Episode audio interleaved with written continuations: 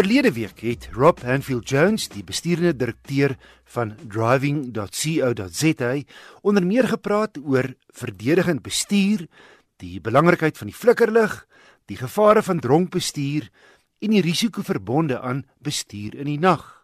In hierdie tweede bydrae oor padveiligheid tydens die vakansietyd, verduidelik hy die belangrikheid van 'n goeie volgafstand en jou spoed aanpas by die omstandighede jou wesenlike spoed wat jy tans handhaaf is nie eintlik belangrik nie. As 'n mens op 'n straalvliegtuig klim teen 860 km/h en jy kom dit nie agter. Maar sou jy in 'n berg teen daai spoed vasvlieg, kan jy dit baie duidelik agterkom of die ouens wat daar aankom gaan dit agterkom. So die hele probleem met spoed is as jy jou in 'n posisie plaas waar jou spoed nie gepas is vir die toestande nie of waar daar 'n baie skielike spoedverandering as gevolg van padomstandighede of verkeersomstandighede kan kom. Byvoorbeeld as mense te naby volg en hier kom die volgafstand in die prentjie in. Almal ry op 'n snelweg teen 120, maar hulle ry te naby.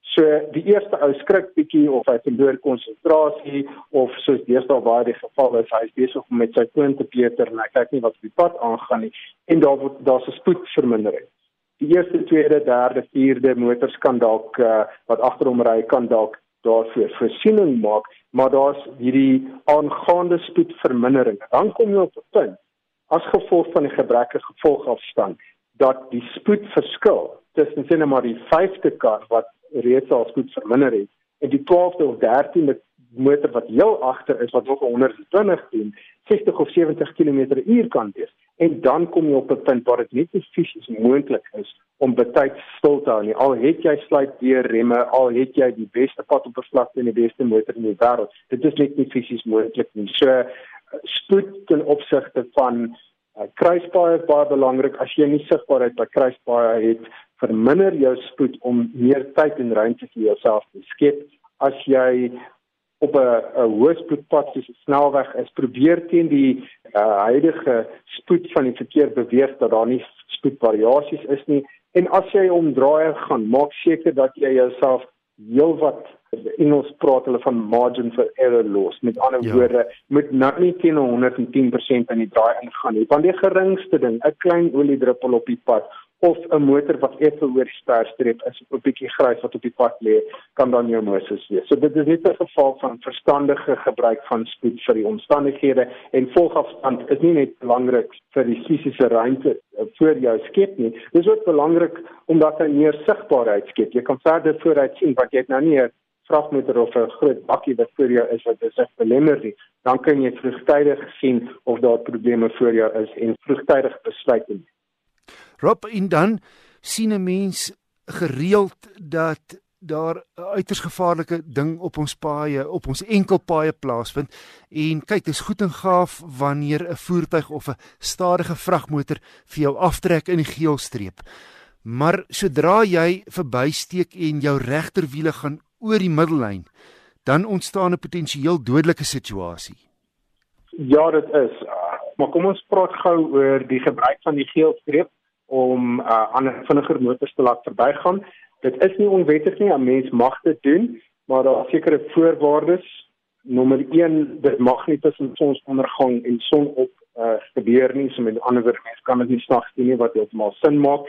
En die belangrike, die ander belangrik is dat jy ten minste 150 meter se sigbaarheid voor jou moet hê.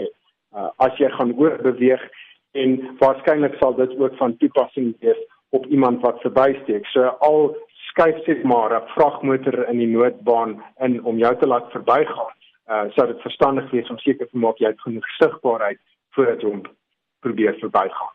As 'n mens gaan kyk na wat is die sterkste koers van tromp op botsings, sal 'n mens duidelik agterkom dat dit nie 'n goeie idee is om enigstens jou voertuig in 'n posisie te plaas waar jy in 'n tromp op botsing Eh, betrokke kan wees want jou kanse vir vir oorlewing is so klein. So nie net as jy op die geelstreep verbygaan nie, maar enige plek waar jy nie sigbaar is van wat voor aangaan. Byvoorbeeld by 'n blinde hoogte, blinde draai, by kruispaaie, moenie die risiko waag om aan die verkeerde kant van die pad te wees want jy weet nooit wat van die ander kant af kom. Net 'n ander ding oor die geelstreep, ons sit met hierdie gekompliseerde situasie dat jy dikwels ook voetgangers en fietsryers in die geelstreep area kry. Die ja, maar ook eh, 'n motor wat gaan staan het. Onthou daar is 'n noodbaan. Dit is sy dit is sy sy doel. Ja. So as 'n mens sien maar die pad Kaap toe is 'n goeie voorbeeld tussen Johannesburg en Kaapstad is daar feitelik al die pad daai geel area. En dit is om 'n veilige plek te skep as 'n oue papwiel sou kry of die motor klaar raak sodat 'n mens kan aftrek. Nou dink nou die geval daar is 'n vragmotor wat in die geelstreep in beweeg om jou te laat verbykom en hier's jy nou langs van hom, daar's 'n aankomende vragmotor en die vragmotorbestuurder wat in die geelstreep is, kom skielik agter maar hier's 'n vragmotor wat voor hom stil staan want hy het onklaar geraak hy hy gaan natuurlik probeer uitswaai en dan druk hy jou fisies in die pad van die aankomende motor. So ja. dit is nie net 'n geval van die ou beweeg oor en jy sê dankie en jy's weg nie. Voordat jy besluit om langs aan daai voertuig in te beweeg, hou dop dat jy nie aankomende verkeer het wat dalk vir 'n probleem kan wees as daar 'n stilstaande voertuig of 'n fietsryer of voetgangers is wat in die noodbaan die voertuig wat uit jou pad uit beweeg het uh, se vordering kan belemmer. Rob, 'n ander ding is motoriste moet besef dat die mense gaan weg met vakansie en hulle is dikwels baie swaarder gelaai as gewoonlik, so dit gaan langer vat om te stop in 'n noodgeval en jy is minder beweeglik as jy moet uitswaai. Ja, Colin Chapman wat die Lotus uh renjaars span vir baie jare in die 60s, 70s en 80s gehad het, uh het gepraat van adding more lightness. Hy het gesê as jy nie meer 'n resies voertuig uh, kragtiger kan maak nie, moet jy hom ligter maak want die ligter hy is, hoe beter hanteer hy.